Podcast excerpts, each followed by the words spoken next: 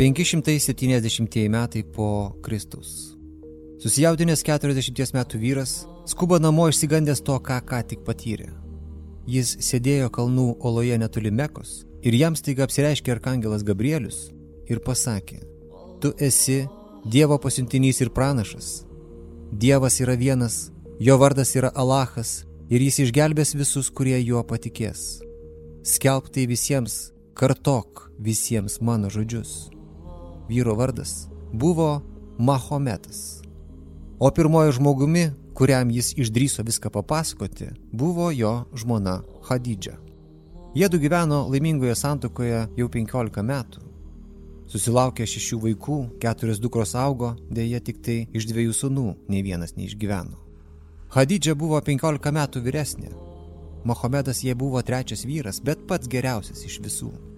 Ir jis buvo su ja laimingas, kitų žmonų neieškojo ir neturėjo jų visus 25 santokos metus. Išgirdusi pasakojimą apie apsiriškimą, Hadidža išreiškė nepalaužiamą pasitikėjimą savo vyru. Tai, ką tu sakai, yra tiesa, pasakė ji ir nusivedė Mahomedą pas giminaitį krikščionybės žinovą, kuris patvirtino, kad apsiriškimas tas yra toks pat dieviškas, kokie buvo ištikę Mozė ir Jėzų. Aš liudiju, kad tu būsi šitos tautos pranašas, pasakė Hadidžia ir tuo pačiu tai buvo jos priesaika. Hadidžios patikėjimas tuo, kuo jis pats bijojo patikėti, buvo didžiausia iš visų jos geradarybių jam, nes tą akimirką, kai sielai prireikia drąsos išsivaduoti iš proto abejonių, geriausia pagalba yra patikėjusi siela šalia. Tai nebūtinai nutinka, bet jai tai tampa neišmatuojama dovana.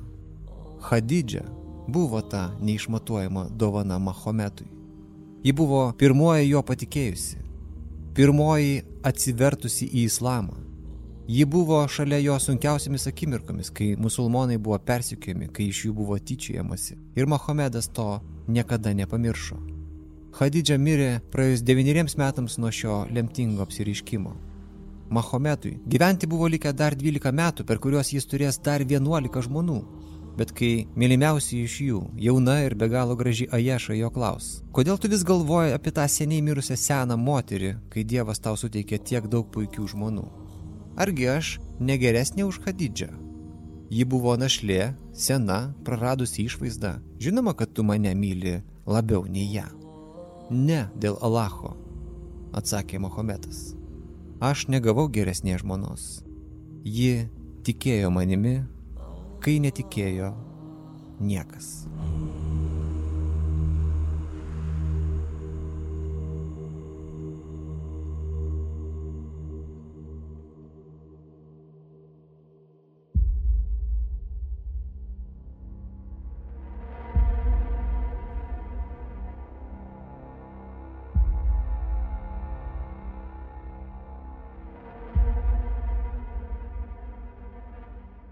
Klausote pirmosios dalies iš ciklo Begalybės veidrodis. Dalis vadinasi Stebuklas.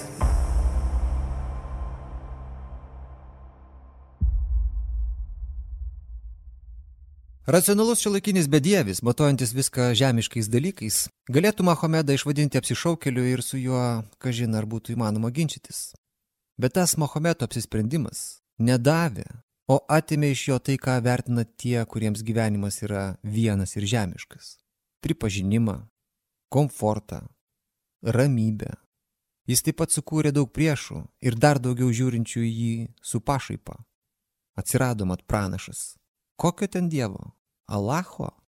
Per pirmus trijus metus Mohamedas įgyjo viso labo 13 sekėjų. Ketvirtais metais jis ėmė skaityti pamokslus, tad sekėjų padaugėjo net iki 70. Bet tai vis tiek niekaip nebuvo panašu į viską keičiantį apsireiškimą.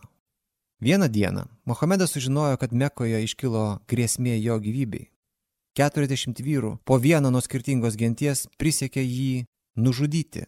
Ir tai išgirdęs, Mohamedas nutarė bėgti. Jo pabėgimas į Mediną 622 metais pagal krikščionių kalendorių yra pirmieji naujos eros metai musulmonų pasaulyje. Medinoje iš tiesų prasidėjo nauja era.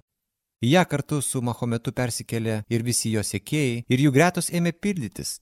Čia jis pagaliau tapo pranašu, kuris turi juo tikinčių, jo mokymų klausančių. Allah Akbar, Dievas yra didis, skelbė jis. Islam tai atsidavimas Dievui ir visa žmogaus stiprybė slypi tame atsidavime.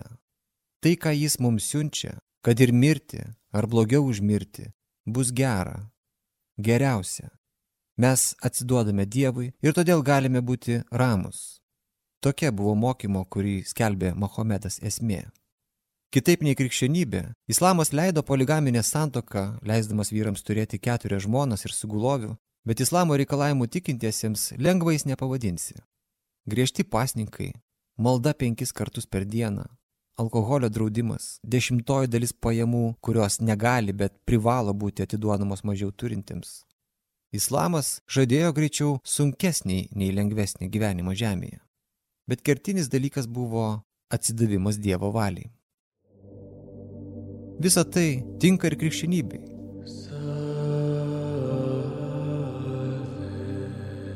Nes krikščionybė taip pat mums sako atsiduoti Dievui. Turime nesitarti su kūnu ir krauju, nekreipti dėmesio į tuščius kivirčius, tuščius sielvartus ir norus. Žinoti, kad nieko nežinome, kad blogiausia ir žiauriausia mūsų akims nėra tai, kas atrodo. Kad visa, kas mus ištinka, turime priimti kaip atsiustą iš aukščiau esančio Dievo ir sakyti, tai gera ir išmintinga, Dievas didis, jis žino geriau.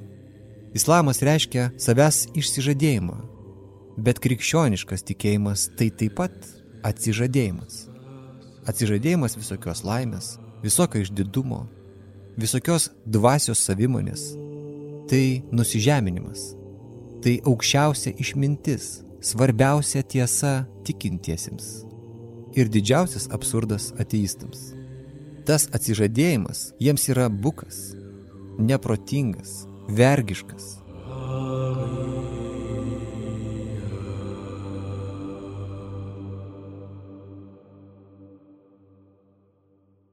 Skeptiškas požiūris į kančią iš esmės yra aristokratiškos moralės nuostata, rašė Nyčia, pastebėdamas, kad katalikiškas atsidavimas buvo priešingybė romėniškai, aristokratiškai ir lengvabūdiškai tolerancijai. Nyčia yra neblogas šitos bylos sprendėjas, kurio verdiktas aiškus aristokratai ir vergai niekada nesutars. Verga visada piktins pono laisvė netikėti. Vergas trokšta tik tai besąlygiškų dalykų. Jis supranta tik tai tironiją. Jis myli ir neapkenčia be pustonių, iki gelmės, iki skausmo, iki lygos. Jo didžiulis paslėptas kentėjimas sukyla prieš rafinuotą skonį, kuris regis kančia neigia. Kur įrodymai, kad jūsų dievas egzistuoja? klausė vieni. Jūsų klausimas yra kaip žuvų, kurios užsimanė įrodymų, jog yra toks dalykas kaip vanduo, atšauna kiti. Tas pats ginčas garsioje parabolėje vyksta tarp dvinių motinos iššiose. Vienas tiki, kad yra gyvenimas anapus po gimdymo, kitas piktinasi, koks dar kitas gyvenimas. Įmanoma vaikščioti, matyti šviesą, valgyti iš burnos, bet jeigu ten yra kažkokia gyvybė, kodėl niekas iš ten negryžo? Na nežinau, atsako tikintysis, bet tikrai tikiu, kad sutiksime ten savo motiną ir ji mumis pasirūpins. Motina? Kokia dar motina? Jeigu jinai egzistuoja, parodyk man ją, nes man atrodo, kad tikėti tokiamis nesąmonėmis yra jokinga. Aš jos nematau, todėl vienintelė logiška išvada yra, kad jos nėra. Kartais, kai esi tyloje, susikaupi ir iš tiesų klausaisi, gali pajusti jos buvimą išgirsti jos mylinti balsą, šaukiantį iš viršaus. Atsako pirmasis, bet antrasis lieka prie savo įsitikinimų. Susitarti jiems neįmanoma, abiems trūksta argumentų, o vienam iš jų tikėjimo. Tai, kas juos skiria, yra abejonė, nes tikėjimas prasideda ten, kur jos nelieka, kur protas pasiduoda. Taip kaip biblinėje istorijoje, kurioje tėvas Abraomas, paprašytas Dievo, nusprendžia jam paukoti savo sūnų, nes visako kuriejas žino geriau. Tai protų neįmanomas sprendimas. Jeigu tai pagalvojus, jis netgi smertinas. Amoralus. Bet palikime šitą ginčą ir vietoj klausimo, ar kas nors laukia mūsų po mirties, paklauskime kitaip. Ar tikėjimas keičia mūsų buvimą žemėje? Taip atsako išminties knygos. Mes esame tuo, kuo tikime. Atsakymas į klausimą, kas mes, yra tas pats kaip atsakymas į klausimą, kuo mes tikime. Ir todėl, kad būtume kažkuo, mums reikia tikėjimo. Todėl mums reikia Dievo labiau nei Dievui mūsų. Visos tos maldos, aukos, apėgos, ritualai Dievui nereikalingi, jie yra reikalingi mums. Jok žmogus ar tauta negali egzistuoti be aukštesnės idėjos. Kiekviena visuomenė turi turėti kažką, kuo galėtų tikėti, ką galėtų gerbti be išlygų, rašė Fedoras Dostojevskis, kurio veikėjas broliuose Karamazovose sako, jeigu Dievo nėra, tuomet reikia jį išgalvoti. Nes tikėjimas tai meilė, neprotinga, chaotiška, naivi, kupina kančios, bet koks gyvenimas be jos. Nes tikėjimas tai viltis, tai tikslas. Gyvenimas be kurio tai tik padarytinų darbelių sąrašo pildymas, kuris niekuomet nesibaigia. Bet kas iš to nesibaigiančio tiudių listo, jeigu už jo nėra jokio tikslo? Stebuklai nutinka tik tai tiems, kas jais tiki, Štai apie ką mes. Arabiškas stebuklas nutiko ne tada, kai angelas apsireiškė Mahometui, o tada, kai žmonės juo patikėjo.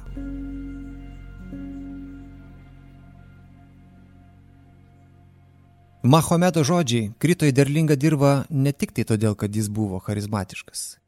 Jis žadėjo vilti sunkiais laikais, Žmonės tose kraštuose ilgus dešimtmečius buvo apiversti kesti chaosą ir suirutę. Pasaulis aplink buvo skurdus ir apgailėtinas. Niekas nebuvo vargingesnis už mus ir mūsų religija buvo žudyti vieni kitus.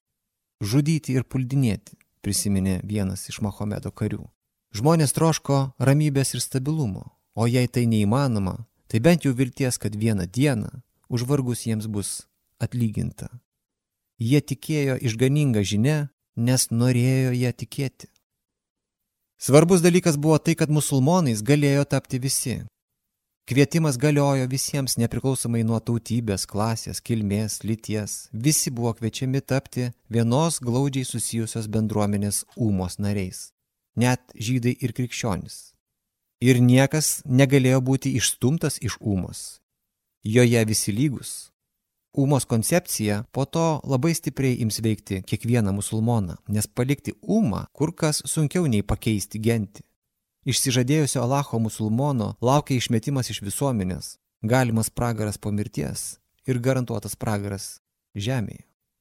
Bet šitoje istorijoje, kurios pradžia yra skaičiuojama nuo Mahometo persikėlimo į Mediną, buvo dar vienas svarbus pasikeitimas.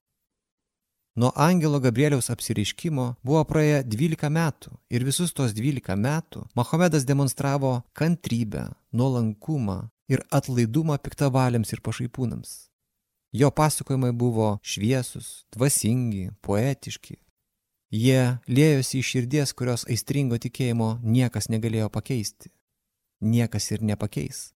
Bet Mekoje Mohamedas pakeitė požiūrį į tai, kaip svarbioji žinia turi būti skleidžiama.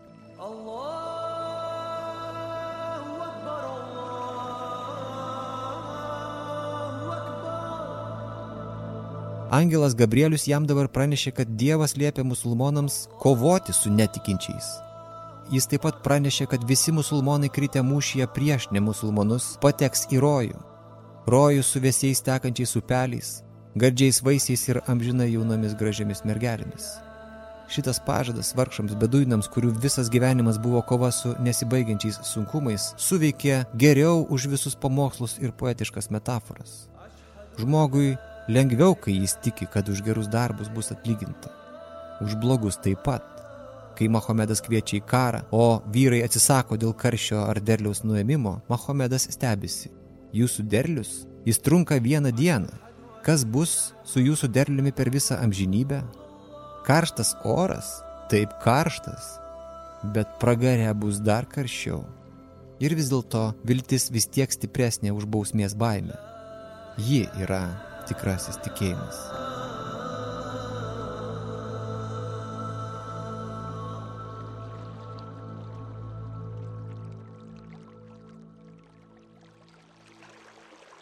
Pirmoji musulmonų taikiniu tapo nesvetim šaliai. Juo tapo Mekos stabmeldžiai 12 metų niekinė pranašo žinia. Medina buvo svarbi karavanų iš Arabijos į Siriją stotelė, Oazė, pro kurios vandenys joks karavanas negalėjo praeiti nesustojęs, taigi Mahomedas sumanė užpulti mekiečių karavaną. Sužinoję apie tai, mekiečiai pasiuntė tūkstantį karių karavano pasitikti. Musulmonų tris kartus mažiau, bet jie tremtiniai turėjo pabėgti palikę viską, ką turėjo, neturintis ką prarasti ir turintis pranašo pažadą apie tai, kad visų žuvusiųjų laukia spindintis rojaus sodai su gražiamis mergelėmis. Ir todėl jie nepabūgo, puolė ir laimėjo. O tūkstantis mekiečių turėjo ką prarasti ir todėl tiesiog pabėgo. Tuo metu musulmonai buvo gerokai silpnesni už mekiečius. Jie neturėjo karinės įrangos, žirgų, šarvų, jie turėjo tik tai tikėjimą, kad kaunasi švento reikalo vardan. Kai neapsikentusi karavanų puldinėjimo Meka atsiuntė į Mediną 3000 dydžio armiją, 700 musulmonų stojo prieš ją į atvirą mūšį ir buvo sutriuškinti. Jeigu pergalė prieš tai buvo Alacho palaiminimas, kas yra šitas pralaimėjimas? Dievas leido musulmonams pralaimėti, norėdamas išbandyti jų tikėjimą, sako Mohametas ir jo sakymas užrašomas į Koraną. Ir kova tęsiasi toliau. Mekiečiai atsiunčia į Mediną jau dešimties tūkstančių armiją, bet šį kartą musulmonai išmintigesni, užsidaro už miesto sienų. Apsiūstis priešams nepavyksta. Jų armija sudaryta iš beduinų, kurie mėgsta kautis atvirose kautynėse, bet visai nėra pasiruošę ilgam sėdėjimui dykumoje. Meka kariavo kaip laisvų genčių federacija sudaryta iš gentainių, kiekvienas iš kurių ištikimas tik tai savo klanui. Ir todėl bet kuriuo momentu kokia nors gentis galėjo nuspręsti mūšyje nedalyvauti. Ja buvo galima papirkti, o Alacho tarnų nupirkti negalima ir gentinė kilmė prarado reikšmę. Jie visi nuo šiol priklausė ūmai.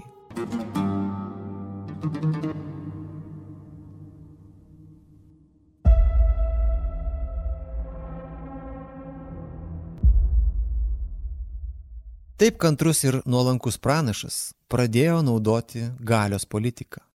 Jis ištrėmė iš Medinos žydus, jų turtą išdalino islamo tremtiniams, organizavo savo oponentų nužudimus ir bausmės išdavikams. Jis sukūrė musulmonišką principą, pagal kurį Alacho vardu karas yra teisingas. Musulmonai negali kariauti tarpusavyje, bet karas prieš kitatikius yra galimas, kartais net būtinas ir kai jis vyksta, jis visada šventas. Visą gyvenimą praleidęs tarp tarpusavėje konkuruojančių beduinų ir 12 metų prasidėjęs pranašo kreslę, laukdamas, kol jo patikės, Mahomedas suprato, kad žmonių neįmanoma pakeisti moraliniu pavyzdžiu, intelektualiu įtikinėjimu. Krikščionys sakys priešingai, atsuk savo skriaudėjų antrą žandą, bet jie taip tik tai sakys. O karų išvengti nesugebės.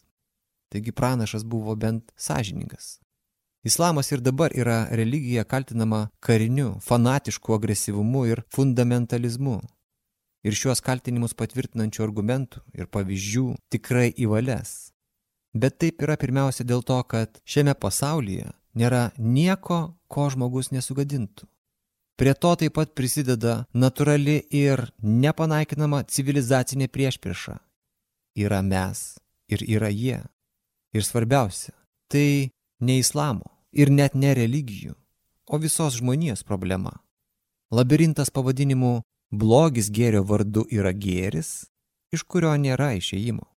Dostojevskio broliuose Karamazovuose yra scena, kurioje užduodamas klausimas. Ar pateisinama būtų nukankinti vaiką, jeigu jo gyvybė atneštų taiką ir laimę likusiems žmonėms? Dostojevskio veikėjas atsako neigiamai. Net visos žmonijos palengvėjimas nevertas tokios aukos. Bet žmonių istorija sako ką kitą. Nes žmonių istorijoje Jeigu tik tai atsirasdavo koks nors gėris, kartais kabutėse, kartais ne, jo vardu viskas tapdavo pateisinama. Ir nesvarbu, koks tas vardas - Kristus, Alachas, Leninas, komunizmas ar nacionalsocializmas.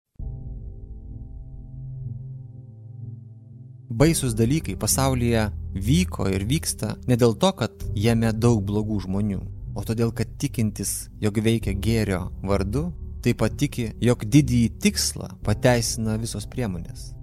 Jeigu tikslas yra visos šalies, civilizacijos ar net žmonijos, taika ir gerovė, vardant jo galima paukoti ne tik tai vaiką. Vardant tokio tikslo gal net šimtai tūkstančių ar net milijonai nebūtų per didelė kaina. Niekas nėra pasiryžęs tokiems siaubingiams ir amoraliems polgiams, kaip tas, kuris jaučiasi esas pranašesnis už visus, geresnis už visus. Komunizmo ir stalinizmo siaubas buvo ne tai, kad blogi žmonės darė blogus dalykus. Jie būtų juos darę ar taip ar taip. Blogiausia buvo tai, kad tada ir geri žmonės ėmė daryti siaubingus dalykus, manydami, jog daro kažką didingo sakė Slavoja Žyžekas savo mintį nekartą pritaikęs ir visokiems kitokiems judėjimams gėrio vardu. Religijoms taip pat. Meilė vienam dievui yra barbariškumas, nes nuo jos nukenčia kiti. Atlaidžiau, žiūrėdamas į tai šipsojosi Nyčia.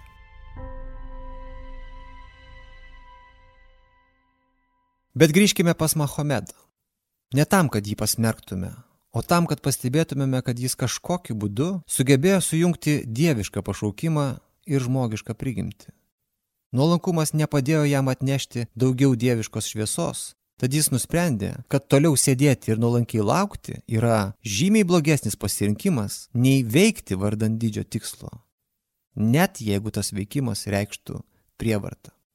Šitoje vietoje religingumo priešininkai pikdžiugiškai trina rankomis tie visi tikėjimai yra didysis blogis, o ne gėris. Bet kaip ir visa šitame pasaulyje, religingumas turi ir kitą pusę. Jis ne tik tai atima, bet ir duoda.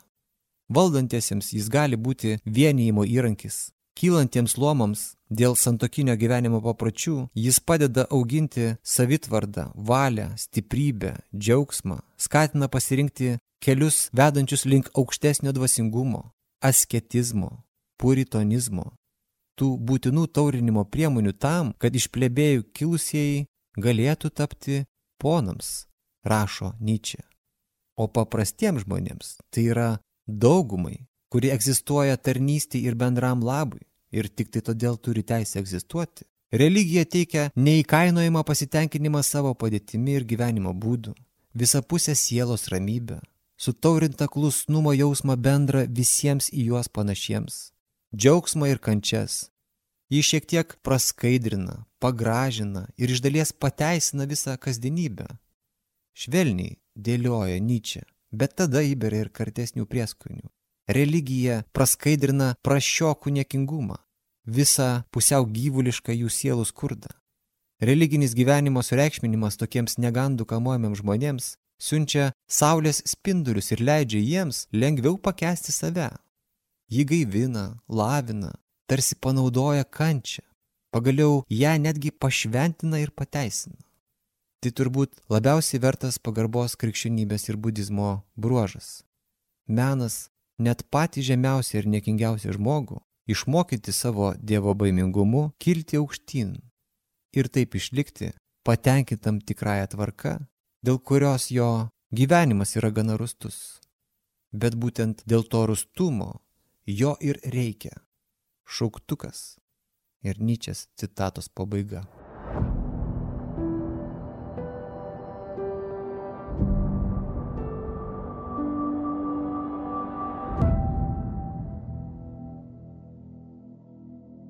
Ir tą moralinį šuolį labai gražiai atspindėjo Mekos užėmimo istorija. Kai Mahomedas surinko pakankamą armiją, jis patraukė į Meką ir dabar jau matydami krypstančias jėgų svarstyklės, priešo karo vadai ėmė peridinėti jo pusę. Atžygiavęs Mahometas pažadėjo, kad visi, kurie nesipriešins ir liks savo namuose, bus išgelbėti. Kita diena, kai Mahometo kariuomenė keturiomis kolonomis iš visų pusių įžengė į Meką, nie į vienus namus nebuvo įsilaužta. Nie vienas mekėtis nebuvo užpultas. Mahometo įsakymas buvo įvykdytas be išlygų ir išimčių. O juk jis vadovavo kariams, kurių venomis tekėjo beduinų kraujas, kurių protėviams plėšti ir išnaudoti štai tokias progas buvo gyvenimo būdo dalis. Mekos užėmimas tapo kertiniu įvykiu. Atlaidumu savo buvusiems persikiotojams, Mahomedas užkariavo jų širdis ir dauguma mekiečių bei aplinkinių genčių priėmė islamą. Mahomedas paskelbė pagonišką kabo šventyklą Mekoje šventa musulmonams. Nuo šiol piligriminė kelionė į Meką pagal pranašo pavyzdį bus kiekvieno musulmono pareiga. Tikslas, kurį būtina pasiekti, kad galėtum vadintis tikru Alacho tarnu. Po dviejų metų, sakydamas pamokslą jau tūkstantiniai musulmonų piligrimų miniai Mekoje, Mahometas pažvelgė į dangų ir sušuko. Viešpatie, aš perdaviau žinę, aš įvykdžiau savo misiją. Po trijų mėnesių įvykdęs savo žemišką misiją pranašas mirė kuklioje trobelėje Mekoje, tyliai išnapždėdamas viešpatie, suteik man atleidimą, amžinybę rojuje, atleisk.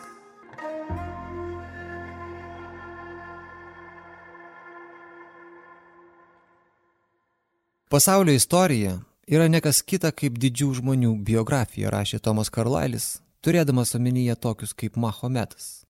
Bet tai, kas atsitiko tada Arabijos dykumose, buvo stebuklas, kurio didžioji mistika buvo ne angelo apsireiškimas, o tai, kad arabai tuo patikėjo.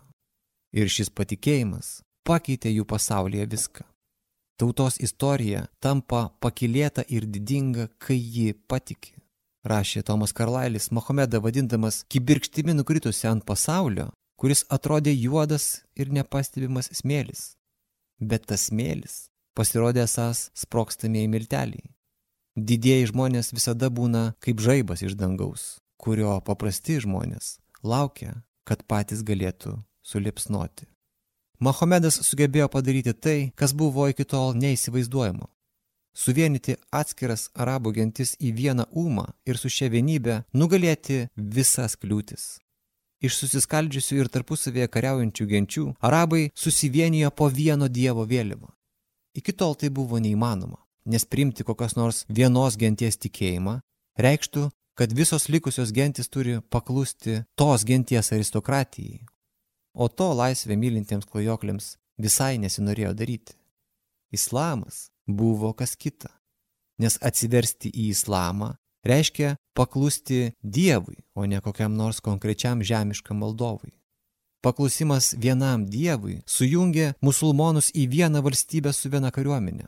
Ir net kai po daugybės metų tų valstybių bus daug, jos bus ne taip svarbios kaip tai, kad jų gyventojai yra musulmonai. Jie ir dabar yra pirmiau musulmonai ir tik tai tada savo valstybių piliečiai. Mahomedas sujungė juos visus po Alacho dangumi ir nuo šiol visi musulmonai tapo mes, visi nemusulmonai tapo jie, žiūrint iš jų pusės.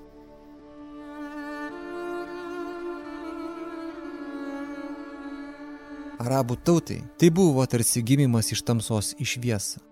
Skurdi piemenų tauta, klajojanti nepastebėta savo dikumose nuo pat pasaulio sukūrimo, patikėjo jai atsiustų pranašų ir staiga žiūrėk, nepastebėtasis tapo pasaulyje pastebimas. Mažas išaugo į didelį ir po vieno šimtmečio Arabija yra Grenadoje iš vienos pusės ir Dėlyje iš kitos. Spindėdama didvyriškumu, didybę, genijaus šviesa ir ilgus amžius nušviečiančią didžiąją pasaulio dalį, rašė tas pats Karlailis. Bet apie ką jis? Kokią dar šviesą atnešė tie arabai, paklaustų ne vienas šiuolaikinis žmogus. Nes tai pamiršta istorija. Nes žmonės pamiršta svarbiausią visatos dėsnį. Viskas keičiasi, niekas nestovi vietoje. Ir vakar viskas buvo ne taip kaip šiandien. Ir rytoj nebebus taip kaip buvo šiandien. Gyvenimas teka kaip upė. Tik tai tekėjimas tas vyksta ratu, kuriame užmarštis išplauna vandenis. Ir todėl aš jums norėsiu tą pamirštą istoriją priminti. Ir jeigu tie arabai iškilo aukštai, sukūrė imperiją nuo Atlanto iki Indijos vandenyno, kur ta imperija dabar? Kur jos civilizacinis spindesys? Aš taip pat norėsiu Jums papasakoti apie tai, kaipgi tie arabai iškilo. Kas iš to jų Alacho, kai jie įsprausti dikumose tarp turtingų imperijų ir vienintelė jų technologija yra kupranugariai? Argi kare laimi ne tie, kurių pusėje technologinis pranašumas ir turtai?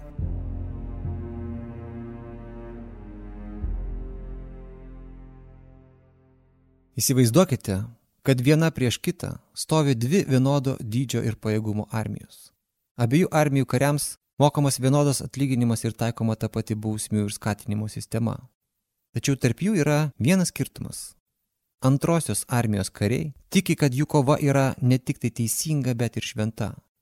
Jie tiki, kad kaunasi vardant tikslo, dėl kurio verta net žūti. O pirmosios armijos kariai čia yra tik tai dėl to, kad tai yra darbas, už kurį jiems mokamas atlygis, karjeros galimybė. Kuri armija laimės? Atsakymą jūs žinote. Ir arabų istorija yra tik tai vienas iš pavyzdžių to, kaip tikėjimas suvienyje ir leidžia nugalėti daug didesnius ir stipresnius priešus.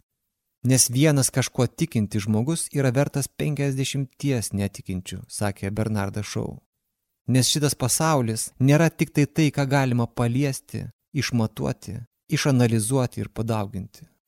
Nuo tų laikų praėjo 14 šimtmečių, nebėra visagalės arabų imperijos. Ji nusmuko, subirėjo daug valstybių, bet klyjei jungė visus musulmonus liko. Islamas su beveik dviem milijardais tikinčiųjų yra penktadalio visos žmonijos giminės religija ir gyvenimo gairis. Gimstamumas krikščioniškose ir musulmoniškose kraštuose skiriasi taip drastiškai, kad labai greitai islamas aplenks krikščionybę ir taps daugiausia tikinčiųjų turinčią religiją pasaulyje. O gal net jau yra, nes skirtingai nei dauguma krikščionių, kurie taip tik tai vadinasi, musulmonai savo religijos tradicijų laikosi ir stengiasi pagal jas gyventi. Ne vienas krikščionis nuo ankstyvųjų amžių nesilaikė savo tikėjimo taip, kaip tai daro musulmonai. Allah Akbar skamba šių milijonų sielose ir kasdienėme buvime. Rodos su pavydu ir nostalgija rašė Tomas Karlailis XIX amžiuje, o XXI amžiuje kontrastas yra tik tai dar didesnis, nes krikščionybė nebėra vakarų civilizacijos klyjei. Tikėjimas Dievu daugeliu vakariečių yra senamadiškas, atgyvenęs ir jau tikrai ne visuotinis, tik asmeninio pasirinkimo dalykas. Taip kaip renkuosi Barbie ar Oppenheimerį, taip renkuosi etiką arba tikybą. Arba galiu pasirinkti teisę turėti teisę nesirinkti nieko. Mes turime mokslą, pažangą, greta kurių nuoširdus religingumas atrodo greičiau senamadiška egzotika, nei tikėjimas cementavęs kadaise mūsų civilizaciją, davęs viltį mūsų protėviams. Ne, mes nebeturime mito. Mūsų mitas tapo nebilus. Jis nebeduoda atsakymų.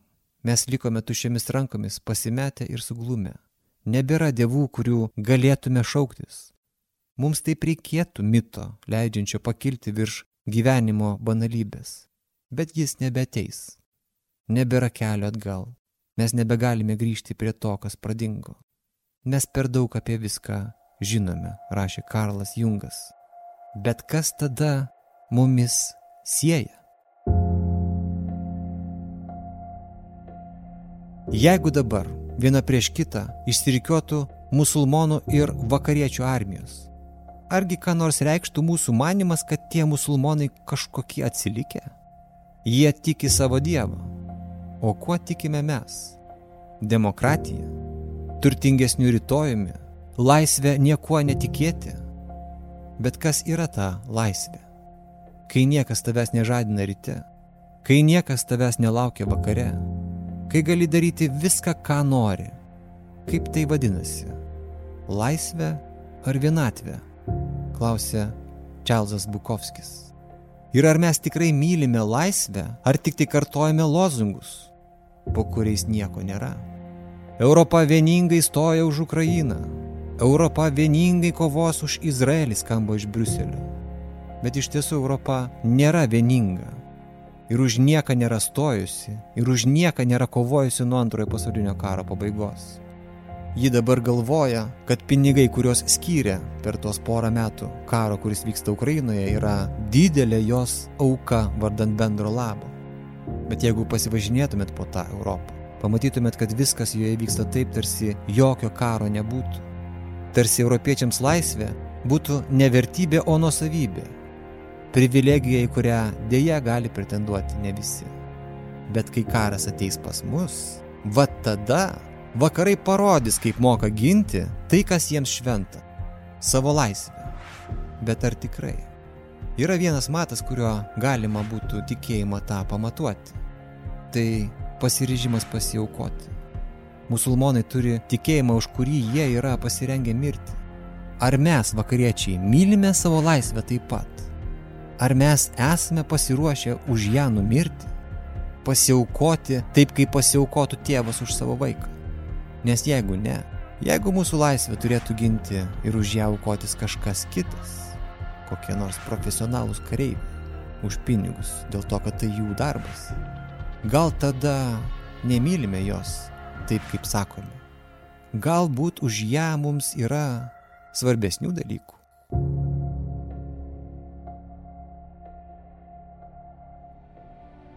Gaila, bet kaip yra iš tikrųjų, paaiškės tik tai tada, kai tos dvi armijos iš tiesų išsirikios viena prieš kitą.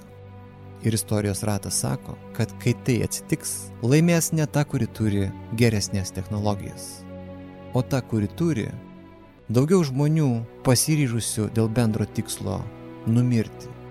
Aš vadovauju tiems, kurie myli mirti taip kaip jūs gyvenimą, sakė Alacho kardu pramintas arabų karvedys Khalidas pradėdamas kampaniją Persijoje. Ir mylintis gyvenimą tą karą pralaimės. Laimės tikintis, jog už jį yra didesnių dalykų. Laimės tikintis stebuklais.